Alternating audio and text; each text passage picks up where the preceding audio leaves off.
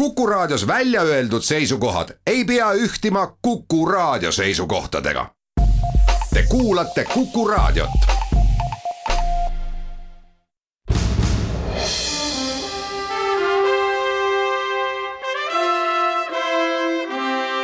vahetund Postimehega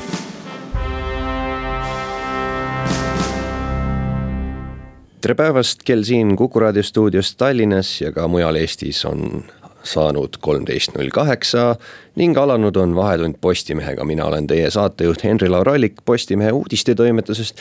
ja täna on mul ka Postimehe uudistetoimetusest äh, abis kolleeg Meinhard Pulk. tere. tänases Vahetunnis keskendume peamiselt äh, poliitikale ja merendusele Ehm, tuleb külla Majandus-Kommunikatsiooniministeeriumi meremajanduse osakonna juht Jaak Viilipuus, kes räägib, eh, mida täpselt hakatakse uurima katamaraan eh, Rune eh, puhul, mis ühendab mandrit ja Ruhnu saart. ja räägime ka Madis Veltmaniga, kes viibis Eesti alusel EVA kolmsada kuusteist, mis, mille pealt siis teostati Estonia vraki siis eeluurimisi. aga kõigepealt arutame, mis toimub Eesti koalitsioonipartneris Keskerakonnas ja mul on hea meel tervitada siin Kuku raadios küll telefoni teel Keskerakonna aseesimees ja riigikogu liige Jaanus Karilaid. tere päevast. noh, Õhtuleht äh, paljastas pühapäeval Mailis Repsi kohta jälle, et äh, uus nii-öelda hüvede väärkasutamise intsident on toimunud ja eile ka Keskerakond otsustas Mailis Repsi äh, fraktsioonijuhi ja aseesimehe kohalt taandada. aga võib-olla kõigepealt ma küsin, et viimased pool aastat on näha, kuidas erakonna esimees ja meie, teie koalitsiooni läbirääkimiste juht Mailis Reps on pildilt kadunud ja justkui teist on saanud äh, Keskerakonna põhikõneisik, et kas Jaanus Karilaid on järgmine Keskerakonna esimees?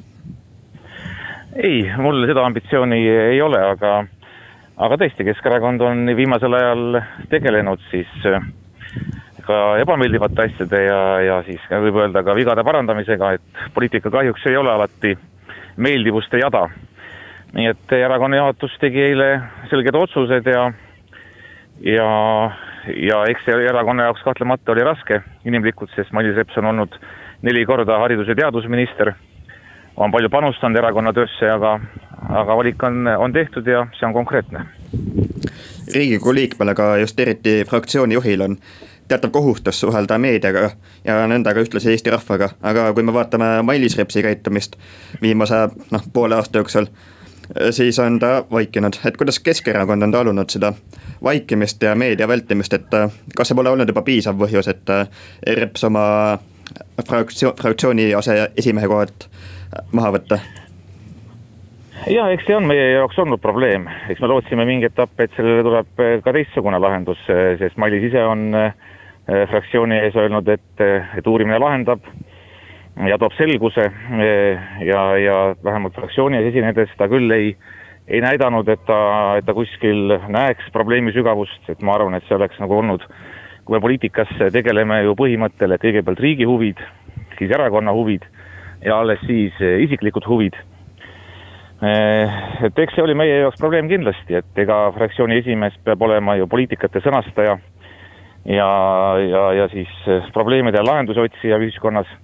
Täna, täna me ootame ju ka väga selgelt siin mitmeid olulisi eelnõusid ja, ja eks nende, nende siis selgitamine ja, ja valgustamine ühiskonnas on paljuski fraktsiooni juhtkonna äh, õlgadel, nii et, et aga mis rääkida ikka eilsest päevast, et me eilsel päeval tegime ära siis erakonna juhatuse poolt selged valikud ja, ja proovime siis rohkem erakonna probleemidelt minna sinna, mis on ühiskonna avalikkuse jaoks tähtis, rääkida ühiskonna probleemidest ja, ja pakkuda seal välja lahendusi, et see on arvatavasti ka uue fraktsiooni juhtkonna esmane ülesanne. Ma tean, kindlasti te sooviksite rääkida Haapsalu raudtee arendamisest, aga lõpetame selle teema ära, et kas need. ma korra, ma, ma, ma korra segan vahele, mitte ainult Haapsalu raudteest, ma oleks rääkinud kindlasti ka erakorralisest pensionitõusust ja, ja pensionide tulumaksuvabastusest ja ma tean, et need eelnõud praegu ministeeriumites ja varsti jõuavad ka parlamenti.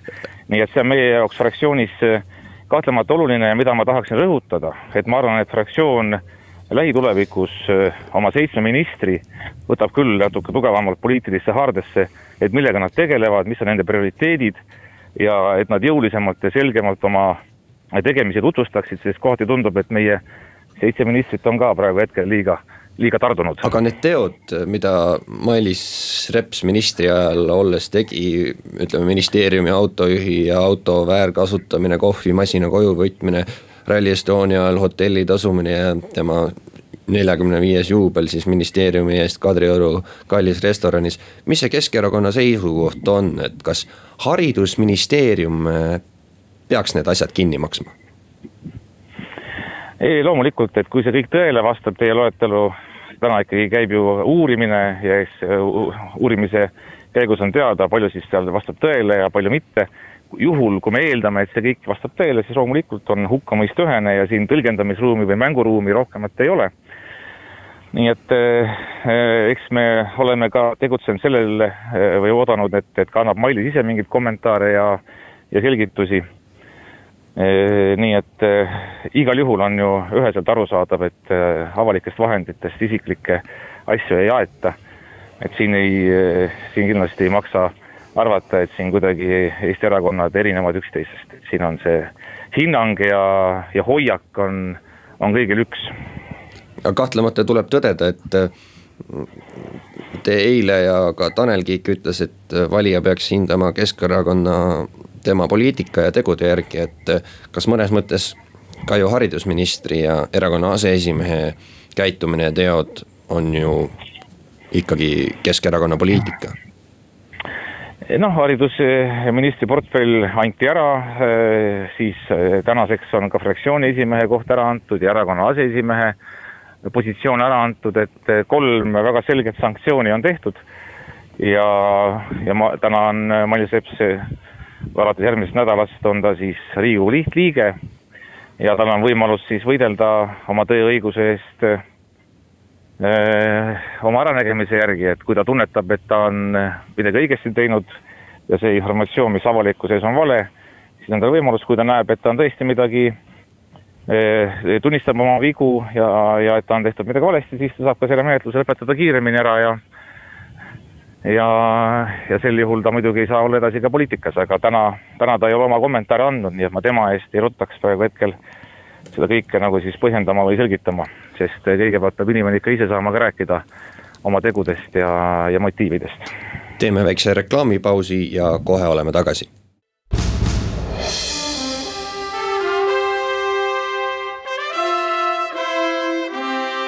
vahetund Postimehega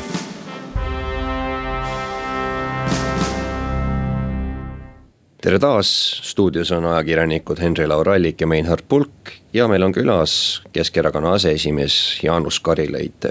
Teie, Jaanus Karilaid, ei saa praegu normaalselt oma poliitikat ellu viima ja peate sellise kogu, kogu aeg jamade klaarimisega tegelema, et kas teil endal ei ole ebamugav juba? Jah, aga, aga selline see eriala on poliitika, et seal ma ka alguses mainisin, et, et see, see ei olegi mugav valdkond, et siin peab arvestama sellega ja eks erakond siis peab siin veel, veel jõulisemad ja selgemad järeldused tegema, et, et tulevikus me saaks rohkem rääkida oma poliitikatest, oma programmist, oma ideedest, et ja, ja nii, et eks see meie kahtlemata selline valus õppetund on, aga, aga oleme varem hakkama saanud ja, ja saame ka seekord kuidas inimlik. poliitilistele konkurentidele sellist äh, rõõmu, et, et nüüd on erakonnaga ühel pool ja, ja poliitiline turg vabaneb äh, valijabaasi mõttes, seda rõõmu ma võin küll etteruttavalt öelda, seda me oma konkurentidele ei tee. seda kindlasti mitte, jah. aga kuidas inimlikus mõttes on äh, keskerakondlaste suhted Mailis Repsiga muutunud, ma võiks eeldada, et maksumaksja raha ja isikliku rahakoti segiajamine ei ühti Keskerakonna väärtustega ja seega teatavat vimma on tekkinud siin või? Inim-, inimlikul tasandil just? jah, eks siin on palju erinevaid tundeid, sest nagu ma ütlesin, kui sa oled äh, kakskümmend aastat kellegagi koostööd teinud ja üritanud seda ühishuvi leida, avalikku huvi, erakonna asja, riigi asja ajada ja kui äh, riigi huvid, erakonna huvid ja isiklikud huvid on kellelgi läinud vales järjekorras sassi, siis loomulikult tekitab see ka pettumust ja, ja nõutust, aga nii et aga, aga see, nagu ma väitsin, et see annab tuleviku jaoks ka meile parema võimaluse oma asju siis äh, korrastada ja, ja keskenduda sellele, mille pärast see erakond on loodud. ja ma arvan, et see eilne erakonna juhatuse otsus on juba üks, üks lahendus ja kui me järgmisel nädalal koguneme, siis peale fraktsiooni juhtkonna valimisi on teine päevakorrapunkt on presidendivalimised. ja, ja loodame, et kolmkümmend, kolmkümmend üks august on parlamendi jaoks edukas, et kuuskümmend kaheksa häält on olemas. Kas siis sel mehel või naisel, keda me praegu otsime. Nii et äh, erakond eile äh, reageeris äh, päris kiiresti, oleks võinud ka tagantjärele võib alati öelda, et oleks võinud veel kiiremini reageerida, aga mm, nii et eks me jätame selle, selle vea endale meelde ja, ja tulevikus siin siis teeme vastavad korrektuurid. teema lõpetuseks, kas Mailis Repsil on praegu poliitikas tulevikku, ütleme tulevastel kohalikel omavalitsuste valimistel, et äh, väga vähe märgitud äh, fakt on see, et Mailis Reps on Keskerakonna Raplamaa piirkonna esimees ja peaks Raplamaa piirkonda valimistele võidukalt äh, viima. Eks tema võimalus tekib siis, kui ta ära tõestab, et see kõik, mis on jõudnud massimeediasse, on vale ja teda on ennatlikult siis eh, milleski süüdistatud ja kui ta selle ära tõendab, siis on tal kindlasti võimalus nii Raplamaa piirkonda juhtida kui ka edasi tegutseda poliitikas, juhul kui eh, ta ei suuda neid väiteid ja, ja tõendeid ümber lükata, siis on keeruline näha eh, teda kandideerimas kohalikel valimistel. Raplamaa piirkonda ta jääb praegu juhtima? me tegime eile see päris mitmeid otsuseid, et eks me nüüd eh, suvi hakkab ka läbi saama, koguneme järjest eh, sagedamini ja, ja eks see selgub, selgub ka mingi aeg. kui ikkagi inimene on poliitilises mõttes täiesti mm, paralüseeritud, no siis on see tegelikult ju ka selle piirkonna jaoks ei ole aus, et peab olema inimene, kes on aktiivne ja kellel silm särab ja tahab tegutseda ja tegeleda nimekirjadega, valimisplatvormide koostamisega. täna ma ei näe, et Mailisel seda energiat oleks, nii et aga aga tegutseme samm-sammult ja küllap jõuame ka millalgi, meil on kakskümmend seitse piirkonda, jõuame ka Rapla piirkonna juhtimise juurde, ma arvan ka juba lähi, lähiajal. kui laie, laiemalt poliitilist olukorda vaadata, siis värsk, värskete andmete kohaselt on Keskerakonna toetus kaheksateist koma neli protsenti. et ei ole väga hea, et mida tuleks nüüd teha, et EKRE jälle kolmandaks parteiks lükata jah, ma arvan, me saame sellega hakkama siin, äh, kõige, kõige tähtsam, äh, kõige, ütleme, kõige tõesem hetk on seitseteist oktoober, siis äh, ka suudavad, saavad teha sotsioloogid ka nii nagu Keskerakond teeb oma vigade parandusi, saavad ka sotsioloogid sel juhul teha, aga aga loomulikult kaheksateist protsenti ei ole meil harjumuspärane positsioon, et, et me oleme harjunud pigem toetusega seal kahekümne kolme, kahekümne kuue protsendi vahel ja ja eks see on meile väljakutse, me peame oma tagasi eh, suutma tulla oma programmiliste lahenduste ja, ja inimeste probleemide sõnastamise ja siis ka võimalike lahenduskäikude juurde ja ma, täna küll näen, et eh, et juba järgmisest nädalast tegelikult me saame asuda rohkem kui varasemalt sisulise töö juurde. kas eh, nii-öelda selle tõuke võib anda edukas presidendikandidaat või on teil KOV valimistel mõni salaplaan? Plaan? jah, et eks KOV valimised ise on äh, näitavad, äh, palju valijad tegelikult usaldavad meie nimekirju, et seitsekümmend üheksa kohalikku omavalitsust on, me praegu tegeleme nende, nende siis äh, komplekteerimisega. aga kahtlemata edukas presidendikampaania valimine oleks oluline, aga mina pean veel tähtsamaks kaks tuhat kakskümmend kaks riigieelarve kokkuleppimist Reformierakonnaga. ja siis on näha, palju seda poliitilist kunsti meie, meie vahel on ja palju me suudame seda leida ühisosa, et eh, juba septembri alguses antakse see üle, siis on seal eh, kokku kolm lugemist ja ja loodame, et, et me oleme ka seal oma siis tänase koalitsioonipartneriga edukad.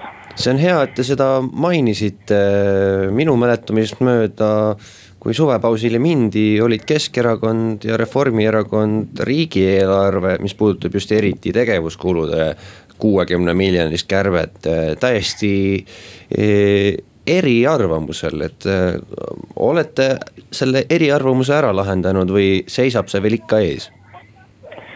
eks eriarvamused nüüd järjest tasanduvad, aga kuidas nüüd ta välja näeb, ma arvan, ongi täna sügisel, et meie tõesti olukorras, kus maksulaekumised lähevad paremaks, majandus kasvab ei, ei, ei, ei, ei klapi kuidagi meie majandusloogikaga ja ka, ka programmiliste tõekspidamistega, et selles, nendes, selles kontekstis hakata kärpima. nii et ehm, see sõnum on meie partnerile juba korduvalt ka edastatud. eks me siin augustis juba hakkame selliseid tegema töökoosolekuid ja kas me suudame siis kokku leppida. ja see selgub, ma arvan, juba siin augusti lõpus, septembri keskpaigas kas Keskerakonna sisemine puhastus pärast Edgar Savisaare lahkumist on üldse olnud teie hinnangul tõhus, kui me vaatame kõiki neid skandaale ja nüüd hiljutist Mailis, Mailis Repsi käitumismustrit, et kuidas sellel, sellest vaatepunktist Keskerakonna puhastusprotsessile tagasi, tagasi vaadata ja, ja mis hinne Jüri Ratase tegevusele selles kontekst, kontekstis võiks anda? poliitikas eh, skandaalid, eh, need olid ja on ja jäävad, et et eh, meil on ka endal erakonnas peal viisteist tuhat liiget. Eh, kunagi ei tea, mis võib kuskil juhtuda, nii et eks ta poliitika oma olemuselt on ju läbilõige ka Eesti ühiskonnast. ja eh, mina, kes ma suhtlen ka väga palju teiste erakonna liikmetega ja tean nende tegemisi, siis ma arvan, et, et eks see läbilõige on universaalne nii et ega need tuleb ka tulevikus kindlasti skandaale, aga erakond peab endast tegema maksimumi, et neid minimiseerida, et võimalikult rohkem teha siis eeltööd, kui me mõnda ametikohta mehitame ja ja, ja oma poliitilisi valikuid teeme, nii et eks kindlasti me seda ei vaata niimoodi ükskõikse kalapilguga, et et, et midagi, midagi see meis ei, ei, ei liigutanud, ei mõjutanud, kindlasti mõjutas, liigutas ja, ja proovime homsel päeval siis oma asju paremini teha, et ja ma arvan äh, olukorras, kus meil on praegu nüüd presidendivalimised ees ja, ja riigieelarve on kohe vaja anda, anda üle siin septembri alguses, suudame teha neid kõiki protsesse paralleelselt, nii et erakonna juhatuses on seitseteist liiget, erakonnal on olemas volikogu, kakskümmend seitse piirkonda ja, ja ma loodan küll, et meie toonus, poliitiline toonus siin Äh, läheb järjest paremaks. aitäh, Jaanus Karilaid äh, erakonna asju selgitamast, äh, kui seda keegi teine nõus ei ole tegema ja kuulame ära nüüd uudised.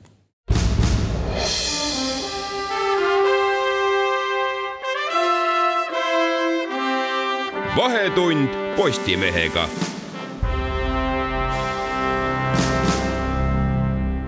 tere tulemast tagasi, nüüd on hea meel tervitada stuudios Majandus- ja Kommunikatsiooniministeeriumi meremajanduse osakonna juhataja Jaak Viilipus. tervist ka minu poolt.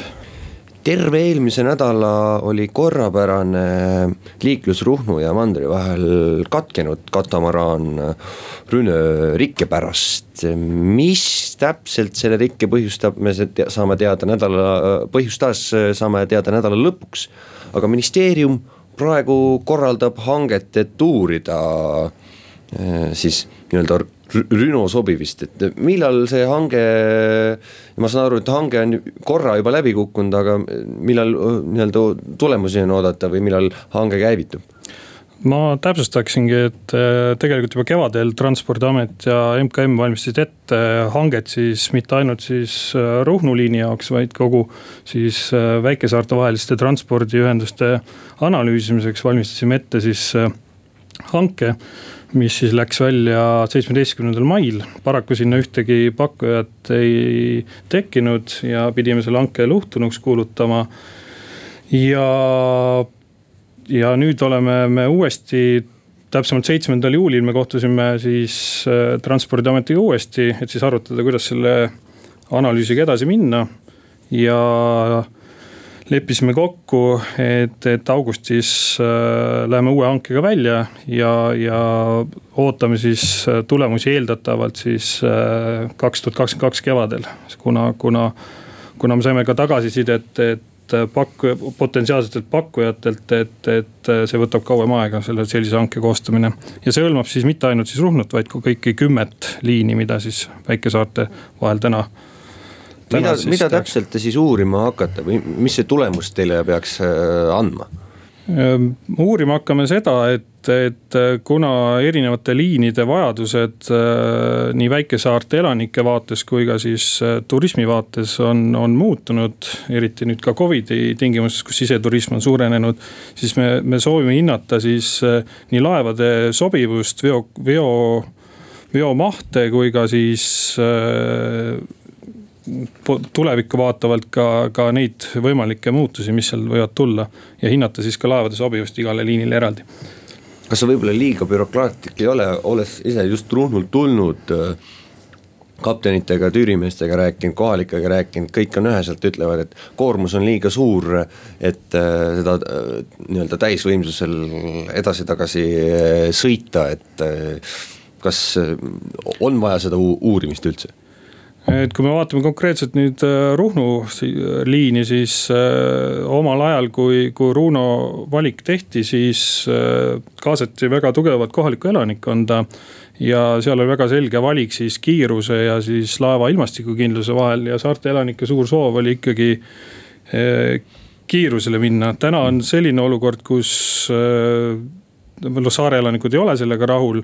aga kuna me peame vaatama ka seda Ringsu sadama olukorda, mis paneb väga suurelt eh, piirangud ette eh, uue potentsiaalse laeva osas, siis, siis, eh, siis meil ei ole muud varianti kui vaadata seda investeeringute mahtu ja, ja, ja, ja seda saab ainult teha siis, kui meil on korraliku analüüsi ära teinud, et millist laeva sinna saaks ja millised oleks võimalikud investeeringumahud seal no mis need lahendused äh, praegu äh, on, et äh, kas midagi ilmastikukindlamat, aeglamat turismihooajale, midagi nii-öelda võimsamat, kiiremat? täna hetkel meil väga palju alternatiive ei ole, me üritame trans-, koostöös siis transpordiameti ja vedajaga siis leida lahendusi, et viia rikete tekkimise võimalusi miinimumi, miinimumini. vaatame ka potentsiaalset uut hanget, et kuidas seal neid äh, riske maandada. ja, ja kuidas paremini tagada see, et äh, ühendus oleks tagatud, isegi kui üks või teine laev äh, läheb rikki. et, et laevad paraku lähevad rikki ja sajaprotsendilist garantiid ei saa kunagi anda aga just selle mm, Rüno puhul, mis teile tundub, et mis olukorda lahendaks? Äh, Runo puhul tulekski, mida me analüüsime hetkel, on ka see, et äh, kas, kas tehnilise hoolduse koha pealt äh, on võimalik midagi täpsemini, paremini teha. ja, ja hetkel nagu paremaid lahendusi veel ei näe, et, et, et põhirõhk on see, et ikkagi saarte elanikel oleks vähemalt siis ühendus tagatud, et, et juhul kui peaks rikkeid veel esinema millal see nii-öelda ütleme, et kui analüüs äh, või uuring poole aastaga peaks saama valmis, mis, millal see muutus võib tulla, me räägime siin kahest aastast, kolmest aastast, ütleme, et uut laeva, uue laeva mõistes näiteks? no kui me ei tahaks spekuleerima hakata, et kõigepealt tuleb ära teha see analüüs, analüüsi tulemustest äh, lähtuvalt siis vaadata ka sadamaga seotud investeeringuid ja, ja ja pärast seda saab hakata vaatama uue laeva võimalusi, aga täna selleks veel otsuseid tehtud ei ole, nii et äh, kolm, kolmest edasi aastast saame siin juhul rääkida. aga võib ka juhtuda, et äh, leitakse, et äh, Runeöö on täiesti sobiv ja jätkame samamoodi. see sõltub jah uuringu tulemustest, et kui see leitakse, et see sobib, siis, siis, siis, siis ta sobib, aga, aga ikkagi tuleb üle vaadata ja maandada riske ja tagada siis paremini ikkagi rikete korral seal saarte elanike ühendus mandriga siis. kas ministeeriumi mõttes või teie osakonna mõttes, kas te näete, et ühendus Ruhnu ja teiste väikesaartega on praegu Eestis piisav? no täna, tänastel tasemetel vaadates, kui palju on tegelikult saarte vahel nagu seda äh, reisijate arv kasvanud, siis, siis need on tulevikku vaatavalt, mõned liinid vajavad kindlasti ülevaatamist. ja, ja selleks me tegelikult selle analüüsi ka teeme, et, et, et fikseerida see hetkeolukord ja vaadata siis tulevikku, kas ja kuidas me need tagame selle piisava ühenduse siis ka tulevikus. kas äh, oleks mingi variant, äh, ütleme vastavalt vajadusele, kuna väikesaared äh, on erinevad, vajavad autosid, kütust, kaupa. oleks ehitusmaterjali, kõike, kõike seda, et oleks mingi variant korraldada nii-öelda suuri kaubareise, kus inimesi peal ei oleks, ütleme. kas siis vastavalt vajadusele või kord kuus ja siis ühtlasi vähendada koormust reisilaeval no neid variante saab kaaluda, aga täna ka teostatakse kaubareisi väljaspool mm. graafikuid, et, et need on täitsa olemas. lihtsalt need kaubavajadused on ajas muutunud ja, ja selle pilguga tuleb ka nüüd vaadata neid uusi hankeid. kas te olete ise nii-öelda kõikidel väikesaartel ära käinud ja nii-öelda näinud, milline see reis on? Kuna ma olen alles kolm, kolmandat kuud tööl, siis ma tööalaselt kindlasti ei ole käinud äh, kõikidel saartel, aga kindlasti plaanin sinna minna, et, et, et äh, turistina ma olen käinud väiksematel saartel, mitte kõigil, aga, aga jah, praegu hetkel ametnikuna ma ei ole käinud. Aga ütleme, et e e Eesti, Eesti on suur, kui oluline selline Ruhnu saareke meile suures pildis on kindlasti on oluline, et, et, et äh, kohustus on riigil äh, tagada see ühendus ja, ja, ja ei saa kindlasti pidada vähem oluliseks kui mõni teine. küll on tal Ruhnu puhul teatavad eripärad, et ta asub üsnagi kaugel võrreldes teiste väikesaartega. ja, ja, ja on üsna sihuke avatud, äh, avatud mere, merega asukohas, et võrreldes nüüd ülejäänud väikesaartega, mis on üsna kaitstud. et see muidugi toobki need väljakutsed nüüd katamaraaniga seoses välja. ja mingid kiireid lahendusi siin ei ole, teie sõnul? jah, kuna, kuna ikkagi me peame vaatama äh, Ruhnu ühenduse puhul ikkagi selle Ringsu sadama võimekust, siis, siis see eeldab ka sadamasse investeeringuid, nii et, nii et mitte ainult pelgalt laeva, laeva, laeva, laeva investeeringuid, et, et, et selle koha, koha pealt tuleb nagu tugevalt enne analüüsida. kuidas neid investeeringuid ja, ja kas on see mõttekas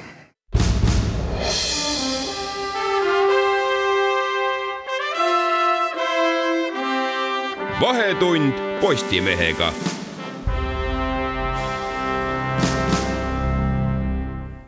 tere tulemast tagasi, jätkame merenduse teemal küll äh, võib-olla natuke traagilimist, traagil-, traagilisematel teemadel, võib-olla ka natuke rõõmsamatel teemadel. meil on stuudios Postimehe foto- ja videoreporter Madis Veltmann, kes äh, oli ainsana Eesti ajakirjanikest kohal siis terve Estonia vraki eeluurimiste ajal siis alusel äh, jäämurdjaks teda nimetatakse Eva kolmsada kuusteist. kaua sa seal olid ja mida sa seal tegid? no kokkuvõttes ma olin siis pardal äh, üheksa päeva. nii kaua see ekspeditsioon äh, kestis. ja mis ma siis tegin, olin see, et ma olin nagu kärbes seina peal, et ma jälgisin kõike, mida nad teevad, ma üritasin seda kõike pildistada ja siis tegin ka videomaterjali sellest, et mis seal laeva peal toimus. ja siis äh, veel tähtis ülesanne oli, et mõned, mõningatel õhtutel istusime siis äh, Rene Arikasega maha, kes oli siis uuringute juht. ja siis ta tegi oma nii-öelda statement'i selle kohta, mida oli nähtud äh, päeva jooksul ja võttis nii-öelda päeva kokku nii-öelda puhtalt said äh, jälgida seda, seda kogu, kogu seda olukorda, kas. Kas need terminid ja kas see läks keeruliseks ka vahepeal aru saada, et mis täpsemalt toimub või sulle seletati ka, et nüüd ütleme näiteks selle mm, rambi puhul, et näed, nüüd meil on siin väga suur äh, avastus, murranguline mm,. pigem alguses oli jah keeruline aru saada kõigist nendest erinevatest sonari tehnoloogiatest, äh, mida nad seal uuringute esimeses pooles kasutasid aga siin tahaks tänada kohe, et äh, kuna kaasas oli ka hüdroloog Peeter Ude, siis äh, lähedaste esindajana. kes siis äh, oli mul nagu sihuke usaldusisik kõrval, kes siis seletas mulle inimese sõnadega lahti, et, et mis tehnoloogiad on ja, ja, ja mis seal toimub. aga noh, avastuste kohta pigem minuga mingisugust sihukest selgitavat infot uuringutiimi poolt ei jagatud, et seda ma lihtsalt jälgisin kõrvalt kas äh, need äh, uuringud käisid seal laeva peal, ütleme ööpäevaringselt või olid sellised üheksast viieni äh, tööpäevad? no eilsel pressikonverentsil minu meelest, kui ma nüüd õigesti mäletan, siis Arikas mainis, et keskmine tööpäev oli kaheksateist tundi pikk. ja ega ta väga ei, ei eksi ka selles suhtes, et olen temaga nõus et äh, tõesti ise vaatasin ka, et äh, unetunde tuli keskmiselt umbes viis iga öö. et tõesti töö käis äh, seitsmest oli hommikusöök ja siis pandi ikkagi vähemalt südaööni käis töö välja kuidas see, seda laeva varustati, oli see juba nii-öelda valmis ühe korraga üheksa päeva seal olema, et mida te süüa saite, kes teile süüa tegi? Laev oli jah, juba eelnevalt siis äh, täis topitud äh, kõike head ja paremat. Äh, meil oli laeva peal oma kokk, kes siis valmistas meile kolm korda päevas täiesti noh, nagu ma ütlesin varem ka, et toit oli lihtne, aga hea. et palju oli kasutatud erinevaid val-, valmistoite, purgitooteid, aga palju ta kokkas koha peal ise ka ja väga-väga hästi saime süüa, et selle üle küll ei saa kurta kala keegi ei püüdnud? vot kala, kala ei püüdnud selles kohas küll keegi jah äh, kas laeval elutingimused on head muidu, kuidas te seal magada saite või olite väga kitsalt koos seal?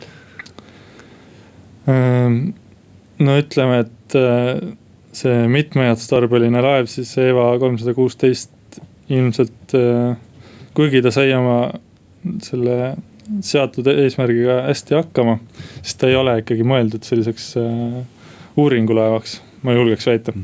et need äh, kajutid ja koid ja kõik, äh, mis seal oli, oli ikka noh. mina olin ka seal siis Rootsi kolleegiga, teise fotograafiga.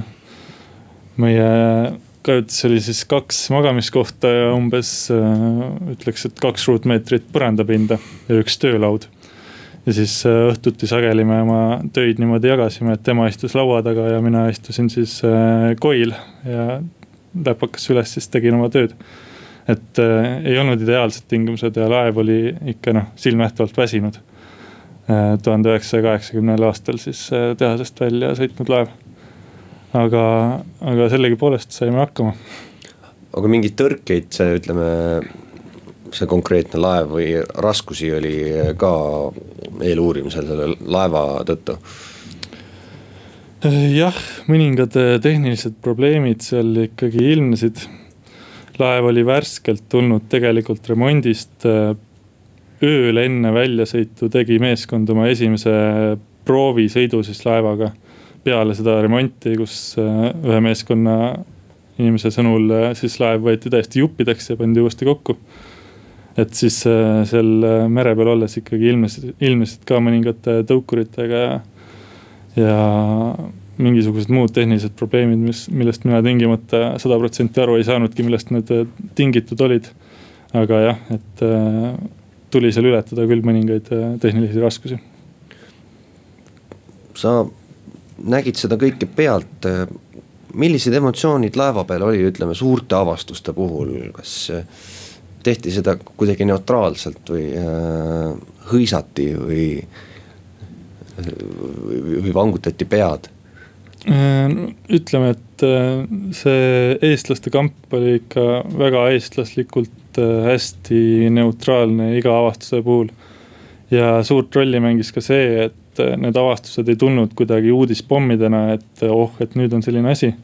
et kuna seal kasutati erinevaid tehnoloogiaid siis näiteks sellesama rambi puhul oligi see, et äh, ringsonariga eelneval päeval nähti ära, et okei okay,. et võime eeldada, et justkui on äh, nähtavus laeva sisse, et äkki on ramp eest ära. ja siis järgmisel päeval siis sai see kinnitust äh, allveerobotiga sukeldudes.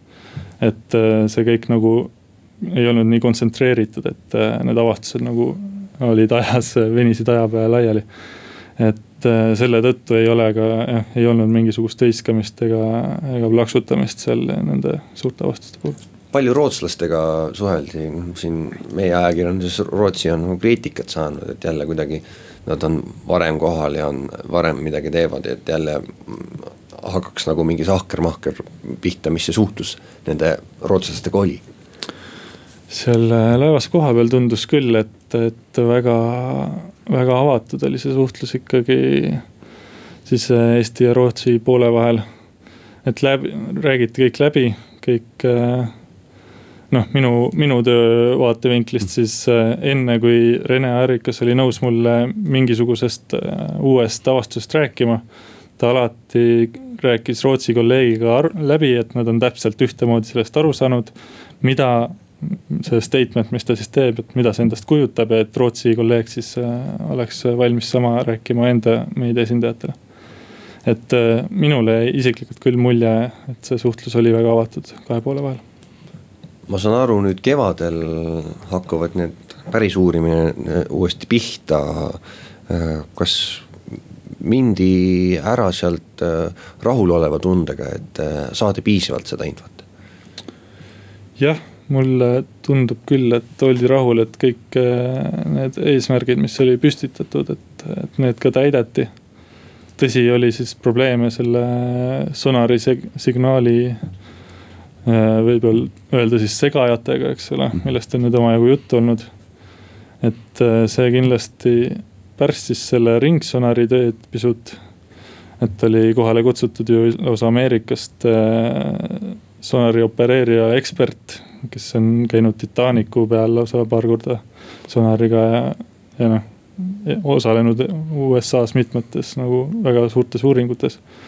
et tema oli tulnud kohale, aga jah, siis mõningad äh, tekkisid siis äh, mõningad segamised selle sonari suhtes.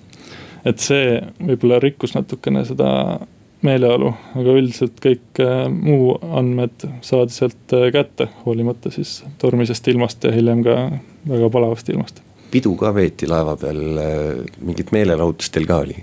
ei, ei meelelahutust küll ei olnud, väga, väga tõsine ja töine õhkkond oli ikka terve aeg. sina vahendasid foto- ja videomaterjale ja infot, ütleme kogu Eesti ajakirjandusele, et vahet ei ole, kas ERR, Delfi Õhtuleht, Postimees, igal pool olid äh, sinu fotod ja kindlasti see on, ütleme, suur äh, pinge võib-olla ja kas see on, oli sinu elu kõige raskem lähetus, et nii pikalt ja ütleme, sellistes tingimustes? jah, kindlasti võiks isegi öelda, et see oli kindlasti top kolmes kõige pingelisemast, pingelisemast lähestudest, lähedudest et äh, kohati olingi seal nagu nii-öelda kahe tule vahel.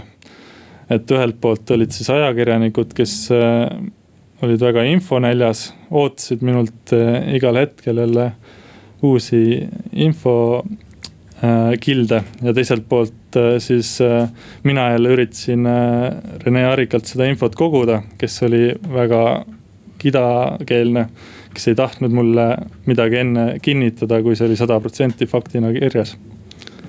et äh, siis äh, ma olin seal kuidagi kahe, kahe selle tule vahel ja üritasin seal kuidagi asjaga, asjadega hakkama saada. ma usun, et kui kevadel on uuesti vraki juurde minek, siis äh, me teame, kelle me sinna uuesti saadame. aga aitäh sulle stuudiost tulemast, mina olin saatejuht Henri-Laar Allik olen siin uuesti nädala pärast ka. seniks kõike head ja peatse kuulmiseni.